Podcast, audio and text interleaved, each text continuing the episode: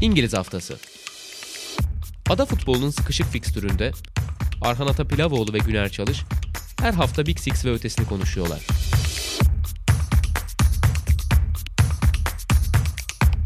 Statsbomb işbirliğiyle.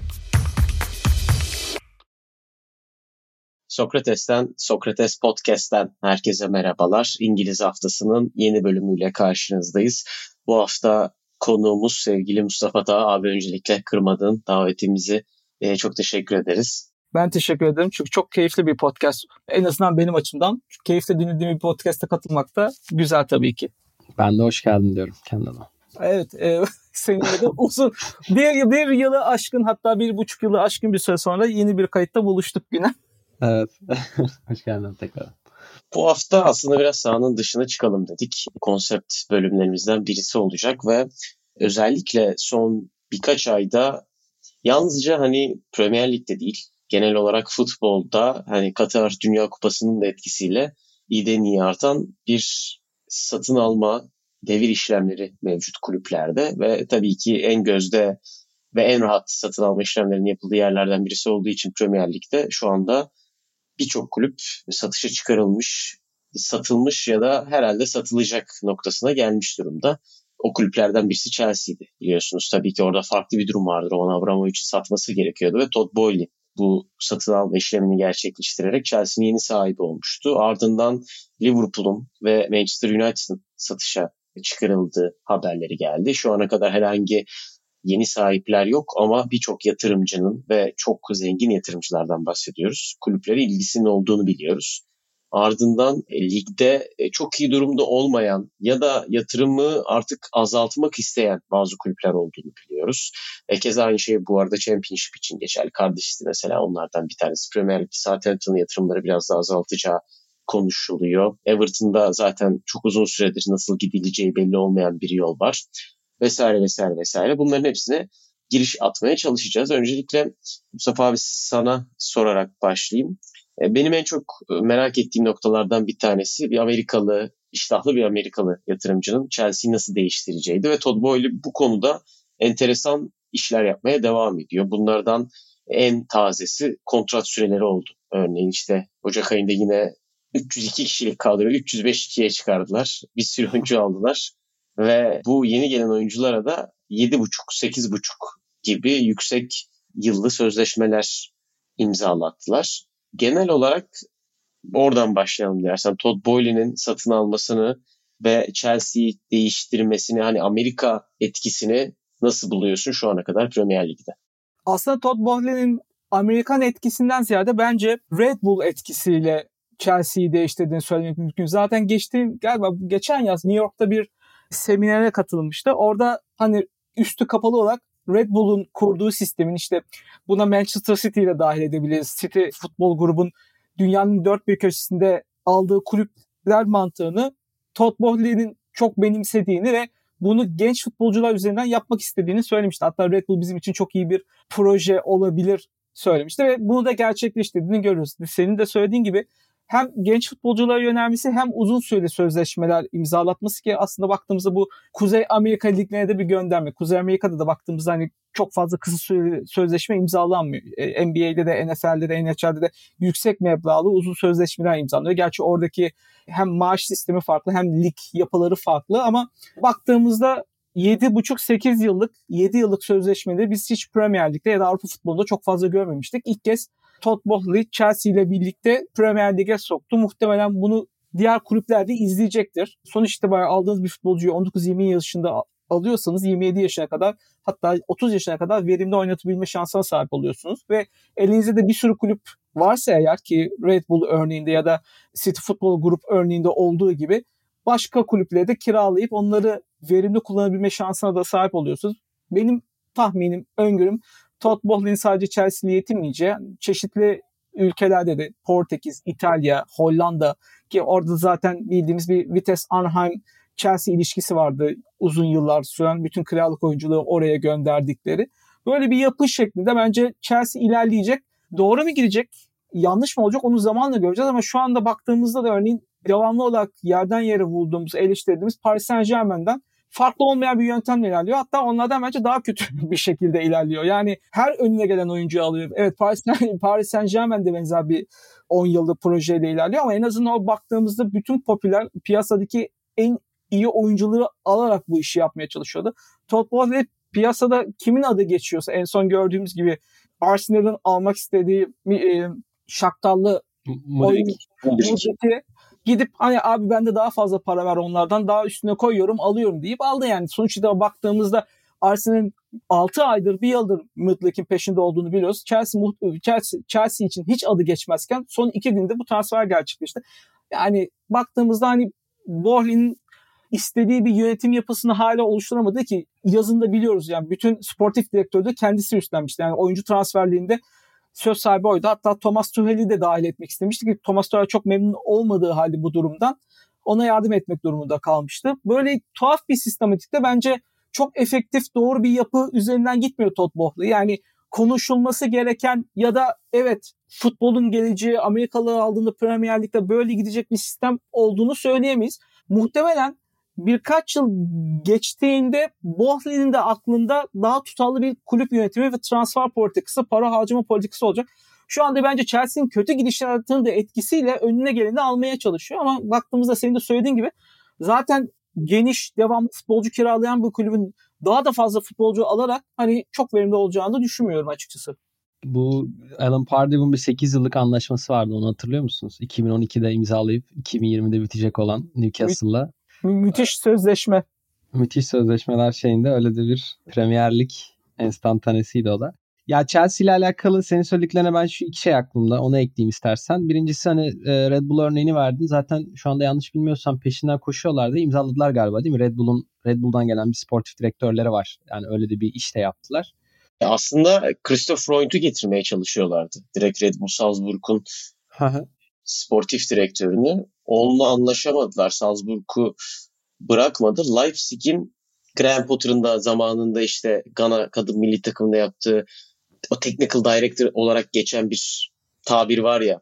Hı hı. Sportif direktör gibi bizim. Ya evet biraz sportif direktör diyebileceğimiz Christopher Weibel mı öyle birisiydi. Soyadını tam hatırlayamadım. Onunla anlaştılar Christopher yani, Freund'u alamayınca. Şey, Ama evet, gibi Red Bull grubuyla gayet yakınlar yani şu an. Şunu da e, hatırlatmak gerekiyor. Chelsea ilk başta kendisiyle iletişime geçtiğinde kulübü bilgilendirmediği için Red Bull direkt kovdu onu. Kızdı. Görevine son verdi. Kızdı yani bizden habersiz böyle bir şey nasıl yaparsın diye. Aslında baktığımızda Bohley Red Bull'u da bir şekilde karıştırmak için elinden geleni yapıyor. Önce Salzburg'u denedi. Oradan sonuç alamayınca ana merkeze Almanya'ya gitti. Orada bir şeyler yapmaya çalıştı. Başarılı oldu. Baktığımızda da istediği sonuçları alabilecek mi? Bence orası yine soru işareti. Bir de şey söyleyecektim ben. Bu e, multi club ownership dedikleri model işte çok fazla kulüp satın alma modeli aslında şöyle de bir mantığa oturdu en azından Premier Lig özelinde. Brexit'le beraber e, her oyuncu oynatamıyorsunuz. Zaten belli kısıtlılıklar vardı. O kısıtlıklar daha da arttı. O yüzden de esasında belli ara basamak kulüpler satın alıp o kulüpler üzerinden işte oyuncuları belli bir seviyeye getirip daha sonra kendi kulüplerinde oynatma geleneği de sanıyorum aslında bir zorunluluk haline de gelecek gibi duruyor önümüzdeki yıllarda Premier Lig takımları için. Hatta yine belki konuşmuşuzdur bunu Arhan'da yani Göztepe'nin satın alınması bile mesela o Southampton Futbol Grubu'nun Sport Republic'in e, projesinde bu anlamda önemli bir yer tutuyor diye tahmin ediyorum. E, hani Brexit'in de öyle bir etkisi var. Çünkü hani hangi ligden oyuncu aldınız, oyuncunun hangi ligde ne kadar maça çıktığı da belli puanların hesaplanması gerekiyor yani oyuncunun Premier Lig'e gelebilmesi için. O anlamda önemli yani atıyorum Danimarka Ligi veya Belçika Ligi yani Danimarka Ligi'nden mesela çok daha önemli ya da Polonya Ligi'nden daha önemli mesela bir oyuncunun Süper Lig'de süre alması. Böyle detaylara da dikkat edeceklerdir önümüzdeki yıllarda. O yüzden de bu hani multi club ownership denen şey sanıyorum artarak ilerleyecek gibi gözüküyor o anlamda. Bu arada bu uzun süreli sözleşmelerle ilgili e, sanırım şöyle bir yol izliyormuş. Todd Bowley beyzbol takımı Los Angeles Dodgers'ın da belli bir hissesine sahip. Orada da genellikle kullanılıyormuş. Ben ben de duydum aynen. Hı hı. Sözleşmeyi uzatınca transfer ücretini o kadar süre boyunca amorti edebiliyorsunuz diye ha, bir açıklama yapmış spor e, spor hukukçusu. Yani enteresan görmediğimiz yönlerini olabildiğince göstermeye çalışıyor şu anda e, Todd Bowley. İşte hatırlarsınız e, bundan birkaç önce All Star maçı da yapmalıyız demişti. Klopp sinirlenmişti vesaire. Hani nevi şahsına münasır bir yönetim anlayışı sürdürmeye evet. devam ediyor. Ben dilerseniz buradan bir pencere açayım size. Aslında benim Mustafa Tağ'ı da bulmuşken böyle sormak isteyeceğim. Onu böyle bilir kişi kabul edip sorulardan biri de buydu biraz. Ben e, şöyle bir girizgah yapayım. Yani şimdi 20 Premier Lig kulübünün e, şu anda 8'inin sahibi Amerikalı. Ve hani Amerikalılar aslında şu anda Premier Lig'deki en büyük grubu oluşturuyorlar. Hatta ben şöyle kendimce bir gruplama yaptım bugün programdan önce. İşte 8 tane kulübün sahibi Amerikalı. Üçünün sahibi yerel İngiliz. Bunlar Tottenham, Brighton ve Brentford. E, üç tane Avrupalı var. Avrupa kökenli diyeyim. İşte Southampton, Leeds, Nottingham Forest. İşte Yunan sahibi var, İtalyan sahibi var. Sırp destekli bir, bir kulüp mesela Southampton. İki tanesi de hani İngiliz olmayan ama Birleşik Krallık kökenli diye ayırdım mesela. West Ham, Everton gibi. İki tane kulüplerin sahibi direkt devlet. Arap Yarımadası'ndan. Biri Manchester City, biri Newcastle. İki tane de Asya'dan var. Leicester ve Wolves gibi. Kısacası Amerikalılar gerçekten şu an Premier Ligi tırnak içinde ele geçirmiş durumdalar. Yani hemen hemen yarı sayıya yaklaştılar ve haliyle de yani çoğunluğu ele geçiren grup yani politik olarak da siyasi anlamda da biraz daha tabii söz sahibi olmak isteyecek. Yani bir All Star meselesi biraz da belki öyle okunabilir diye tahmin ediyorum. Yani Amerikalıların şu anda Premier Lig'de daha fazla söz sahibi olma, biraz da kuralları değiştirme, esnetme istekleri de olabiliyor. Hem bunu soracaktım size. Yani bu acaba ne gibi değişiklikler getirilebilir gibi ikinize de soru. Hem de aslında şuraya getireceğim olayı. Benim esas e, biraz konuşmak istediğim de buydu. Yani Liverpool'un ve United'ın şu anda bir e, satılma süreçleri var birbirine çok yakın dönemlerde hem Liverpool'un sahipleri hem Manchester United'ın sahipleri kulübü satışa çıkaracağını, e, satışa çıktığını açıkladılar ve aracılarla görüşmeye başladıklarını söylediler. Neden şimdi diye de sormak istiyorum ikinize yine. Özellikle de Mustafa'ya. Mesela Liverpool özelinde özellikle de. Çünkü Liverpool esasında hani United'ın aksine tamam United çok iyi işlemeyen, kötü giden bir kulüp uzun süredir ve belki bir anlamda anlaşılabilir o anlamda. Ama Liverpool özellikle de işte bu Fenway Sports grubun çok diplerden aldığı, çok iyi bir yere getirdiği ve açıkçası şu anda satmasını benim tam olarak kafamda oturtamadığım, anlamlandıramadığım bir kulüp. O anlamda da acaba Amerikalılar bu kadar da işin içine giriyorken niye en tepedeki kulüpten şu anda çıkmak istiyorlar? Biraz bunu konuşalım istiyorum. Dilerseniz öyle söyleyeyim.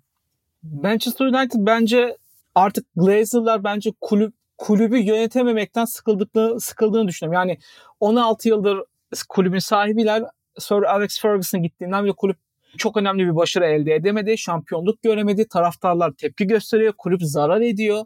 Baktığımızda kendileri adına hiçbir pozitif gelişme yok. Şampiyonlar Ligi'nde söz sahibi bir kulüpken artık Şampiyonlar Ligi'ne katılması bile e, Manchester United adına sevindirici bir haber oluyor. Baktığımızda kupa alamıyorlar. Futbolcular için cazibe merkezi değiller. Evet iyi futbolculuğu kadrolarına katılabiliyorlar ama muhtemelen Manchester City, Manchester United'ın ikisinden de ikisinin de teklifte bulunduğu bir futbolcuna önceliği Manchester City olur. Bundan 15 yıl önce ya da 12-13 yıl önce baktığımızda böyle bir durum söz konusu değildi. Bence kulübü kötü yönettiklerini ve bunun kendine daha da artık negatif olarak hem mali tablolar açısından da olumsuz yansıdıklarını görünce bence ve şu anda da Amerikalıların daha doğrusu Kuzey Amerika'daki yatırımcıların iştahla Avrupa futboluna özellikle Premier Lig'e akın ettiklerini gördüklerinden dolayı bence kulübü satabil maksimumda satabilecekleri noktada olduklarına inanıyorlar ve o yüzden de bu kadar ilgi alaka varken biz bu kulübü satabiliriz diye düşünüp kulübü satışı çıkardılar. Zaten şeyi de biliyoruz yani hemen Britanya'nın en zengini e, Jim Ratcliffe hemen kulübü satın almak için teklifte bulunacağını geçen hafta açıkladı ve muhtemelen de kulübü satın alacak. E, zaten yanlış hatırlamıyorsam çocukluğunda da Manchester United'ı tutuyormuş Radcliffe e, yaptığı bir evet, açıklamada. Evet. Bence kendiliği için doğru zaman olduğunu artık hani zarar etmekten sıkıldıklarını düşünüyorum. Liverpool içerisinde bence Fenway Grup alabilecekleri maksimumu aldıklarına inanıyor. Yani en azından benim bak penceremden öyle gözüküyor. İşte nedir bu? 30 yıl sonra Premier Ligi kazandılar. İngiltere'deki tüm yerel kupalığı aldılar. Şampiyonlar Ligi'ni kazandılar. Bir kere kazanırken 3 kere final gördüler. Avrupa Ligi finali gördüler. Yani alabilecekleri tüm kupalığı alıp görebilecekleri tüm finalleri de gördüler baktığımızda. Bundan daha ilerisine bence gidebileceklerini düşünmüyorlar. Yani gelir açısından da maksimuma ulaştıklarını düşündükleri için ki söylentilerden biri NFL takımlarından Washington Commanders yaklaşık iki ayda satışa çıktı ve Fenway grubunda bir NFL takımı yok. Liverpool'u satarak oradan elde ettikleri gelirle ki galiba Washington Commanders'ın 11 milyar dolar civarında bir fiyata satılması bekleniyor ki işte Jay-Z ile Jeff Bezos bile ortak olarak takımı organizasyonu alacağı, franchise'ı alacağı konuşuluyordu. Bir rivayet o Liverpool'u satarak elde ettikleri gelirle Washington Commanders çünkü daha herhangi bir talip yok. Yani daha doğrusu bir satış gerçekleşmedi. Görüşmeler yapılmasına rağmen oraya elde ettikleri parayı yönlendirecekleri söyleniyor. Benim açımdan da elde edebilecekleri Liverpool'la bütün hem sportif hem mali başarıyı elde ettiler. Örneğin geçen hafta e, açıklanan Deloitte e, Manelik raporunda ilk kez Liverpool ilk üçe girdi. 700 milyon avro gelir elde eden 3 kulüpten biri oldu. Geçen yıla göre gelirlerini 150 milyon avro arttırdı. Yani ulaşabilecekleri her şeye ulaştılar. Bu noktada zaten kazanacak, elde edebilecekleri daha büyük bir şey yok. Yani 30 yıllık şampiyonlar e, şampiyonluk hasrete son verdiler. Şampiyonlar Ligi'ni kazandılar. 3 kere Şampiyonlar Ligi finali gördüler. Baktığımızda bence aslında mantıklı e, bir karar kulübün satışı. Ya ben burada biraz aslında bir tetikleyici olduğunu düşünüyorum. O da aslında Chelsea'nin satışı. O yüzden zaten oradan açmak istemiştim konuyu. Ya Chelsea'nin satışı istisnai bir satış, zorunlu bir satış. Ama o satışla birlikte yeni pencereler açılabilir mi? Acaba biz de satmalı mıyız hissiyatına sahip olduklarını düşünüyorum. Yani Fenway grubun bu hissiyata sahip olması benim için enteresan bir nokta evet. Ama böyle bir düşünceye girmelerini de çok yadırgamıyorum. Yani Glazer zaten 2010'ların başından bu yana Sir Alex Ferguson varken bile çok fazla tepki çeken bir sahiplik sistemiydi ve onun bir şekilde sonunun geleceği tahmin edilebilir noktadaydı. Zaten Sir Alex Ferguson gittiğinden bu yana ortada elle tutulabilir bir başarı yok. Durmadan roller coaster şeklinde ilerleyen serüvenler ama Liverpool'da işler biraz daha farklıydı. Klopp her ne kadar City ile Chelsea ile yarışamazsak da e, yönetimle arasının büyük resimde hani ufak tefek anlaşmazlıklar olsa bile iyi olduğunu söylüyordu. Zaten uzun bir sözleşmenin de altına imza attı ve o açıdan bakınca farklı iki uç gibi gözükse de orada Chelsea'nin satılmasıyla birlikte sanki ya biz de acaba farklı yollara gidebilir miyiz? E, çünkü ne olursa olsun futbolda kalmak her zaman aynı gelirleri kazanacağınız anlamına gelmiyor. Örneğin işte Liverpool Şampiyonlar Ligi kazanmış, şampiyon olmuş, şampiyonluk yarışı vermiş bir takım olmasına rağmen bu sezonlar içerisinde iki kez de çok fiyasko sezonlar geçirdi. Bir tanesini bu sene olarak alabiliriz. Şu an 9. sıradalar. Diğerinde işte Şampiyonlar Ligi'ne Alisson'un attığı golle gittikleri seneyi alabiliriz. Yani her zaman gelirin stabil bir şekilde, daha doğrusu şöyle söyleyeyim, zirveye oynayacağını düşündüğünüz bir takımın gelirlerinin stabil şekilde olmadığı aşikar. Yani örneğin Southampton ya da Brighton aldığınızda e, gelirlerinizin stabil olmayacağını tahmin edebilirsiniz. Her zaman ilk konuda kalamayabileceğinizi düşünürsünüz ama Liverpool sahipliğini düşündüğünüzde ya en azından biz hep ilk üç yaparız, ilk dörtte kalırız, e, bazen şampiyon olur, Şampiyonlar Ligi'ni kazanırız gibi bir noktada olmayı düşünebilirler. E, ve işte Chelsea'nin satılmasıyla birlikte de sanki NFL pazarına işte Mustafa abinin de bahsettiği gibi oradaki kaymaya iştahlanmış olabilir gibi hissediyorum ben. Ya yani Glazer'lar özelinde söylemiyorum bunu ama Fenway Liverpool, Liverpool enteresan evet yani Glazer'ları anlayabiliyorsun ama Liverpool'un olayı biraz daha bence dikkat çekici. Değişen trendlere dair. Yani onu ee, nasıl okumak gerekir bilmiyorum mesela.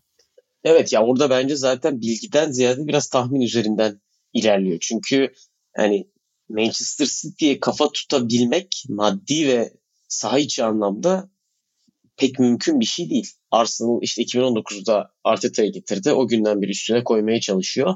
Bu sezon kafa tutuyor evet ama şampiyon olacak mı belli değil. E Liverpool şampiyon olmayı başarmış. Şampiyonlar Ligi'ni kazanmış. Final oynamış ve iki kere şampiyon performansı göstermiş bir kulüp olmasına rağmen buradan çıkıyor. O yüzden çok net tabirlerden ziyade biraz daha soyut şeyler söyleyebiliyoruz e, Liverpool adına sanki. Benim de şöyle bir yorumum var. Sizin söylediklerinize şunu ekleyeyim. Yani senin de dediğin gibi aslında biraz tahminlerde bulunuyoruz. Çünkü bunu okumak çok kolay değil. Yani ben de açıkçası inanılmaz araştırmadım ama önüme çıkan ve hani kendimce araştırmalar yapmaya çalışıyorum. Niye böyle oldu? Hani e, işte sektörün içinden gelenler, bu işin e, biraz daha iktisadi yönünden kafa yoranlar, bilenler ne düşünüyor gibi aslında onların da böyle çok net bir açıklaması yok. Hani onu söylemek lazım. Benim yorumumda biraz şöyle senin dediğin e, City kısmından ele alacak olursam ya mesela şu an hani çok aslında gün önümüze gelen hani Türkiye'de de konuşulan bir konu. İşte yabancı yatırımcı neden gelir? İşte ortada bir güven ortamı yoksa yabancı yatırımcıyı getiremezsin gibi. Hani artık herkesin de böyle ağzına pelesenk olmuş. Aslında belli şeyler kavramlar oturdu bizim toplumumuzda dahi. Biraz sanıyorum futbolda o adalet duygusu da galiba kaybolmaya başladı ve hani Amerikalılar da e, sanıyorum biraz bundan muzdarip olduğu için hazır bu kulüplerin değerleri de tavandayken öyle söyleyeyim yani borsa tabiriyle tavandayken satıp çıkmak istiyorlar galiba.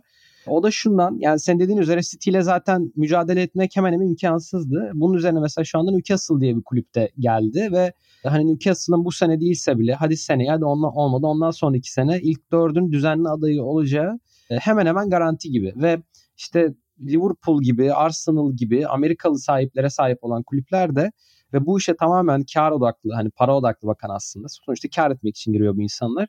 Hani ortamın tırnak içinde biraz bozulduğunu ve belki farklı sektörlere kaymanın zamanı geldiğini düşünüyor olabilirler gibi geliyor bana.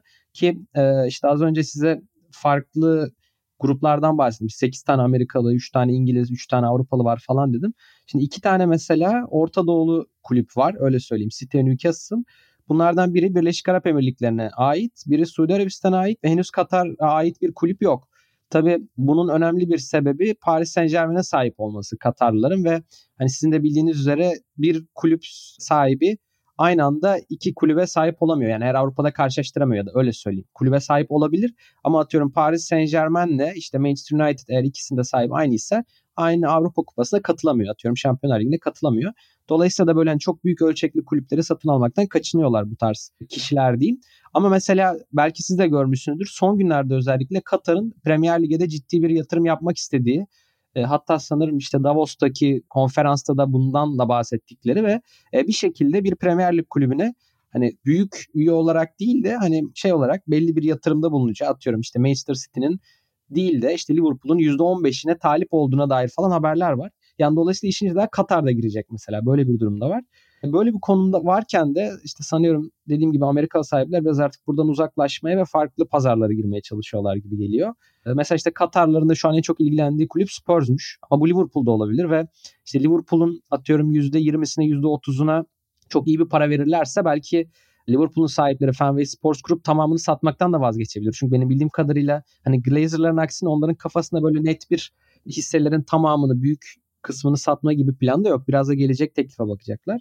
Yani dolayısıyla hani hakikaten ortalık karışmış değişik bir hal almış durumda öyle söyleyeyim. Yani yavaş yavaş güç dengesinin de Avrupa'dan giderek kaydığını ve işte Kuzey Amerika ve Arap Yarımadası ekseninde gidip gelmeye başladığını görüyoruz. Yani bunu şeyden de görebilirsiniz bence. Hani Dünya Kupası adaylıkları ve daha sonra olacaklar transferlerden de görebiliriz. İşte 2026 e, Kanada ve Birleşik Devletler'de düzenlenecek.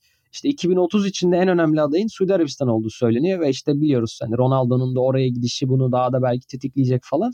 Ronaldo'ya yani, bildiğim kadarıyla maaşının yaklaşık benzer bir ücreti kadardı sadece Suudi Arabistan Dünya Kupası adaylığı için işte reklam yüzü olması yalanlandı için ama. Falan o daha sonra yalanlandı. Bu yalanlama ne kadar doğru ne kadar yanlış bilmiyorum ama hani bunun böyle bir durumun olmadığı söylendi ki adaylardan birinde Ukrayna, Portekiz ve İspanya olduğunu düşünürsek e, Ronaldo kendi ülkesine karşı Suudi Arabistan'ın adaylığını desteklemesi de çok hoş karşılanacağını düşünmüyorum. O açıdan da bence bir sıkıntı olabilirdi. Ama işte parayı verenin düdüğü çaldı bir ortamda. Yani şey, yani direkt birinci azdan bence desteklemese bile sadece Ronaldo'nun orada olması bile farklı bir gözle şey. bakmanıza neden oluyor. Ya tabii sonuçta yani, sözünü Hasan, kestim. Yo, yo, ee, Günel, yani baktığımızda Ronaldo'nun oynadığı ilk baş dünyanın bir sürü ülkesinde yayınlandı. Normalde Suudi Arabistan Ligi'ni kimse yayınlamıyordu. O galiba 100 ülke falan maçı yayınlamış. El Nas El İttifak maçını. Yani e, baksa bu sadece Ronaldo'nun etkisi. Hani, hani Dünya Kupası adaylığında da hani dolaylı olan bir etkide bulunacaklar ama yani Por- Portekiz'de üzmek istemez diye düşünüyorum. Sonuçta vatandaş olduğu ülke, doğup büyüdüğü ülke. Yani bilemiyorum. Yani sonuçta dediğim gibi toparlarsam daha işin içine girecek yeni aktörler var. İşte Suudi Arabistan var. Dediğim gibi Katar henüz Premier Lig'de değil falan. Hani bunların da artışını göz alarak sanıyorum bu olaya futbol dünyasına, futbol endüstrisine daha dipten giren belli aktörler artık bizim çıkma vaktimiz gelmiş deyip bizim kumarımız burada üzere, biter. evet biz ayrılıyoruz. Geride kalanlara başarılar diyerek NFL gibi işte bilmiyorum başka sektör olabilir daha iyi bilir belki Mustafa. Oralara kayıyorlar gibi geliyor bana. Çünkü hani United'ı anlayabiliyorum dediğim gibi. United gerçekten zaten çok kötü yönetilen bir kulüptü ve yani artık çıkma vakti çoktan gelmişti ama Liverpool enteresan bir örnek gibi geliyor bana. O yüzden de yani aslında sektörün gidişatına dair de bir şeyler anlatıyor ama henüz biz anlayamamış olabiliriz gibi geliyor bana. Öyle toplar. Şöyle bir şey var. Tabii bütün bunu olaylar olurken örneğin geç, iki hafta önce de Bournemouth el değiştirdi. E, bir başka Amerikalı yatırımcı Bill Foley tarafından satın alındı. Hani Amerikalılar için Avrupa futbolu ve Premier Lig o kadar müthiş bir cevher ki sonuç itibariyle siz Kuzey Amerika'daki liglerden bir franchise'a sahip olduğunuzda para kazanma şansınız çok fazla olmuyor. Zaten maksimuma ulaşmış ligler orası. Yayın hakları açısından da öyle.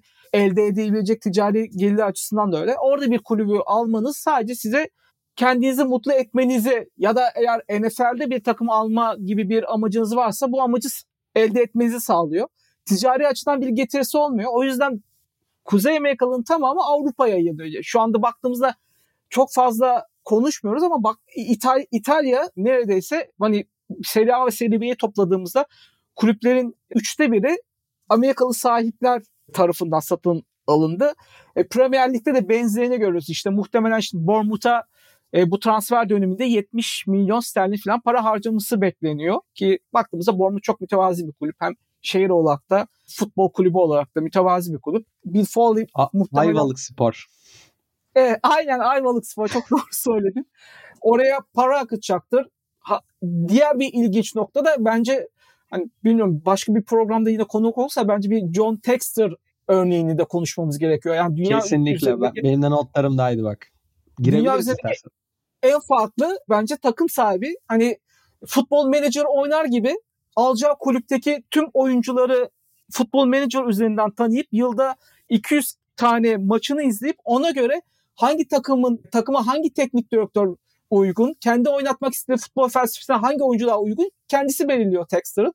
Lyon da bunu yapamıyor şu anda.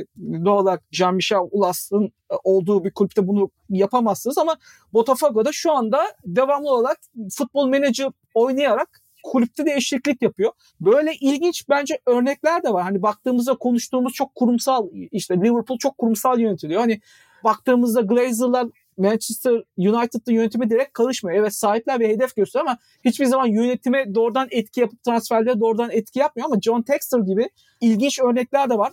Crystal Palace'ın azınlık istidarı şu anda. Hani baktığımızda. Çoğunluk ama, olabilir abi. Çoğunluk ya.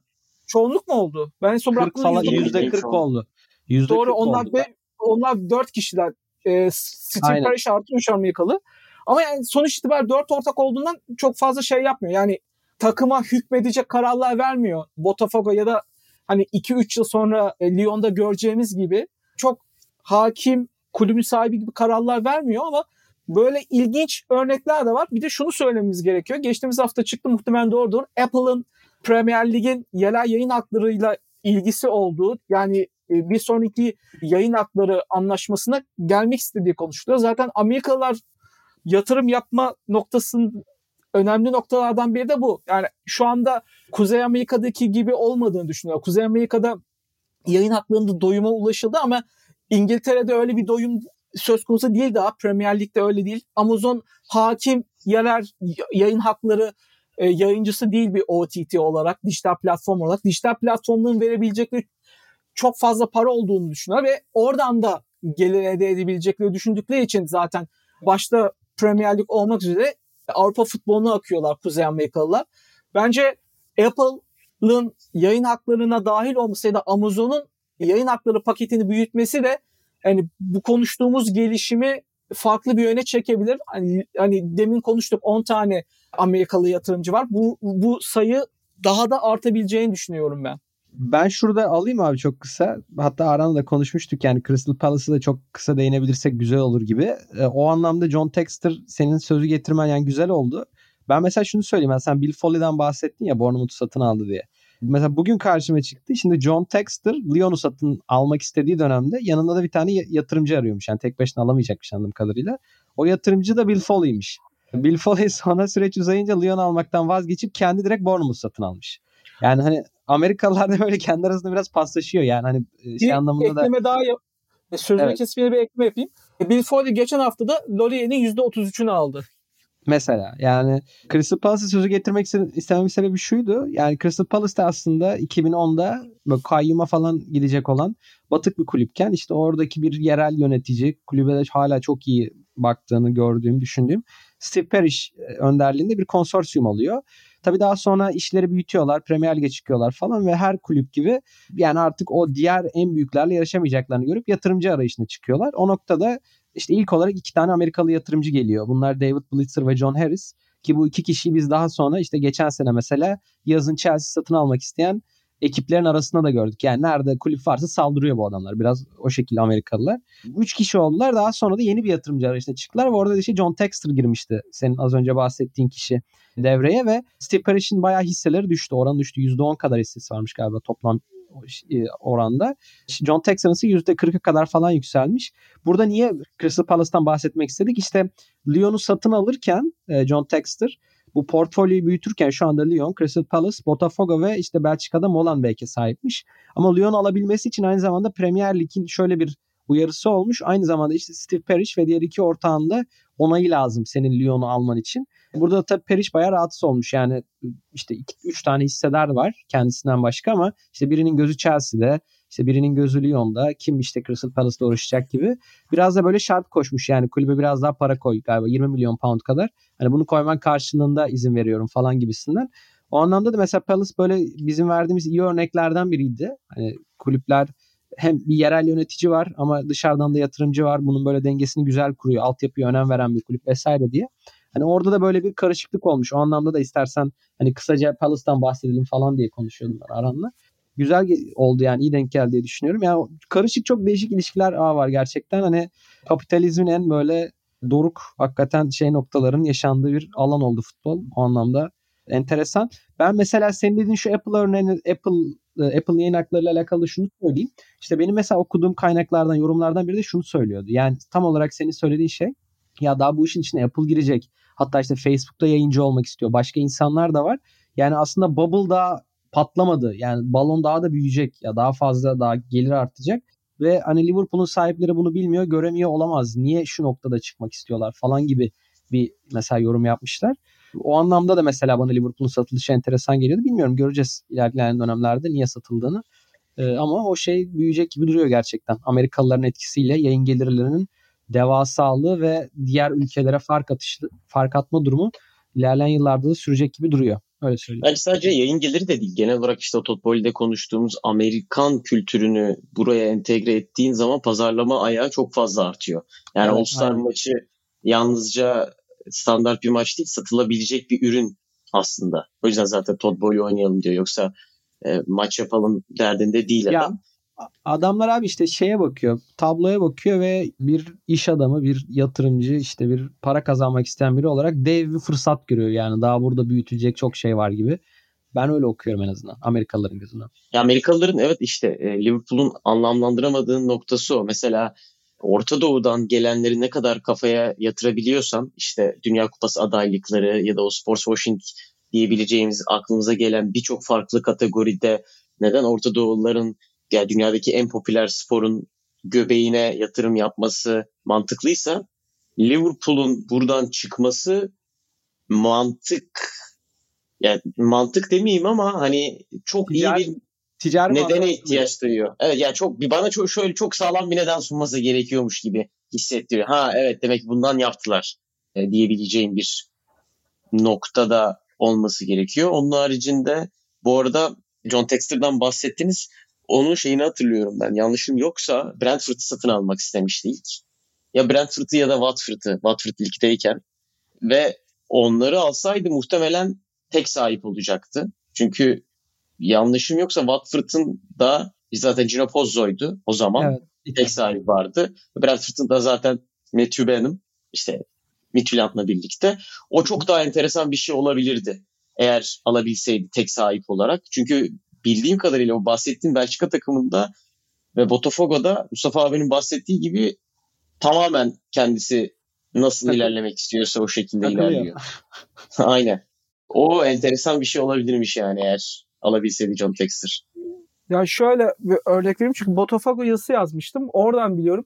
Botafogo Serie B'de işte Brezilya Serie B'de büyük puan farkıyla şampiyon oluyor.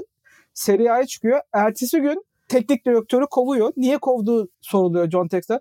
Benim oynatmak istediğim futbola tamamen aykırı bir futbol oynatıyor. Kendisi iyi bir teknik direktör oluyor ama benim teknik direktörüm değil deyip kovuyor.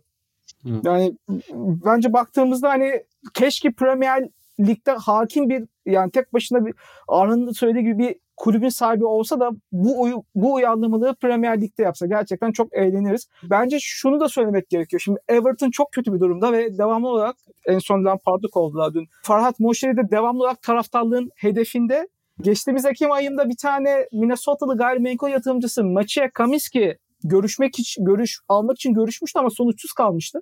Şimdi Everton'da yeni stadı da yapılıyor ağır aksak. Galiba 2026'da stadyum açılı, açılıyor. Şimdi baktığımızda aslında Everton'ı almak da bir Amerikalı yatırımcı için gerçekten çok büyük bir hikaye olabilir. Nasıl ben e, çok Manchester... seviyorum Everton'ı bu arada. İkinci takımıdır. Ama ya, çok kötü. Evet ben ben de 90 ve 90'lardan ki özellikle NEC formasını çok seviyorum. NEC sponsor olduğu zamanki Everton'ı. Oradan dolayı bir Everton'a hep sempatim var ama yani bir türlü düze çıkamadılar. Hani baktığımızda Manchester City etkisi gibi Everton'a da doğru bir sahip ve doğru bir yönetimle ve yeni statları da tam şey sahil kenarda gerçekten ticari açıdan da büyük getiri getirebilecek bir stadyum yapıyorlar. Aslında gerçekten iğme kazanabilecek bu kulüp. Ben bir sonraki hamlenin Amerikalılar tarafından Everton'da olacağını düşünüyorum açıkçası. Ya tabii düşmezlerse yani şu an e... bence yani o Everton şey noktasında çok iyi bir orta halli Amerika'nın alıp Premier Lig'de ya tutup ya çıkartıp sonra satacağı noktaya düştü maalesef.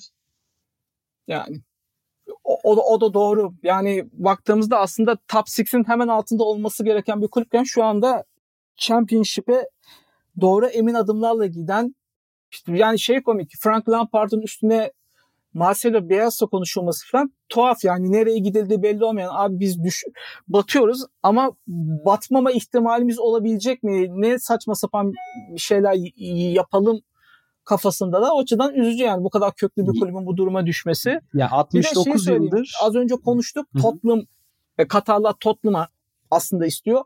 Orada Hı-hı. da Tottenham'ın şu anda ticari açıdan Premier Lig'in en vadeden kulübü olması Kesinlikle. Lo- Londra'da önemli bir faktör çünkü yeni Tottenham'ın stat. yeni stadyumu şu anda Premier Lig'deki e, en fazla gelir getiren stadyum. En yeni stadyum olduğu için ve de gerçekten ticari anlamda çok doğru kullanıyorlar.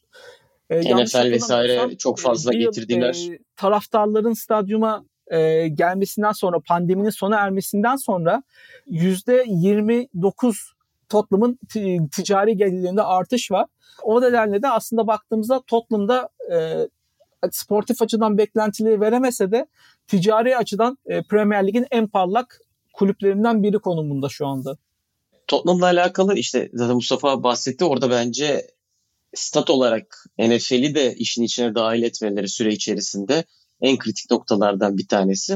E, bu Katar yatırımlarıyla alakalı ben de şeyi okumuştum. Daniel Levy eğer ki eğer bir satın alma işlemi gerçekleşirse en az Chelsea kadar Tottenham'ın değerli olduğunu söylüyordu. Ya baktığın zaman sportif başarı olarak o noktada olmayabilir. Evet ama işte hem bahsettiğin stat hem diğer pazarlama unsurlarını bir araya getirince yine Chelsea kadar eder mi?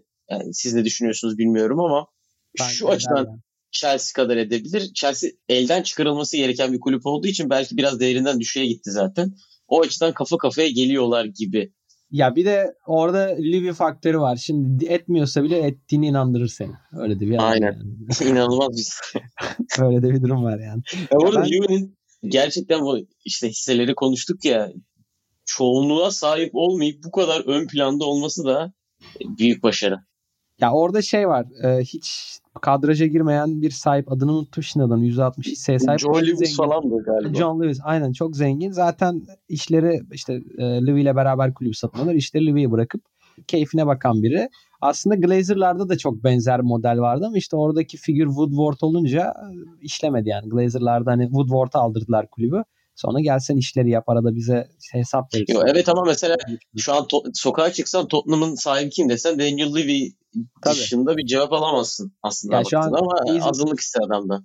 Ya tabii hani Londra'da olmana da gerek yok yani. Belki Türkiye'de bile futbolla ilgilenen birine sorsam belki e, o cevap verebilir yani. Dediğin gibi evet. o kadar ön planda olan bir insan.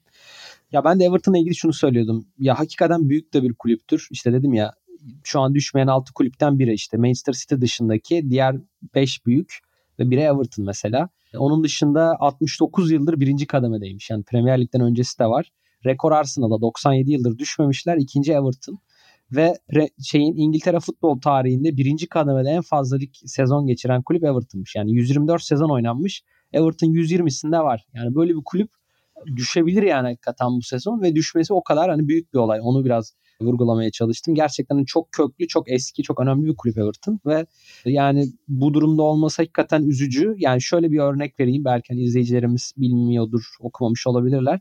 Geçenlerde bir mesela resmi açıklama yayınladılar ve dediler ki işte kulüp sahibi, kulüp yöneticileri canları tehlikede olduğu için tehditler sebebiyle maça gelemeyecekler. Bu yüzden böyle bilgilendirme yapıyoruz falan diye. İşte ben de hani okudum attım gruplarda falan vay be olaylara bak hani ne aşamaya geldi gibi falan. Ertesi günde haber yaptı mesela Liverpool polisi bize gelen böyle bilgi yok diye. Yani kulüp hani böyle bir doğru olmayan bilgi yayınlayıp taraftarın tepkisinden kaçınmaya da çalışabiliyor. Yani arala, hani taraftarla kulüp yöneticileri arasında çok ciddi bir ihtilaf var ve güvensizlik ve hani böyle bir yalan söyleme durumu falan da var. Yani orada gerçekten e, ipler bayağı bir kopmuş durumda. Yani Everton gibi bir kulübün bu halde olması da tamamen hakikaten yönetim kısmı şu anda bomboş durumda. İşte Lampard geliyor bir şeyler yapıyor falan. Şu an Bielsa gelecek neler olacak? Bielsa gelirse tabii neler olacak bilmiyoruz.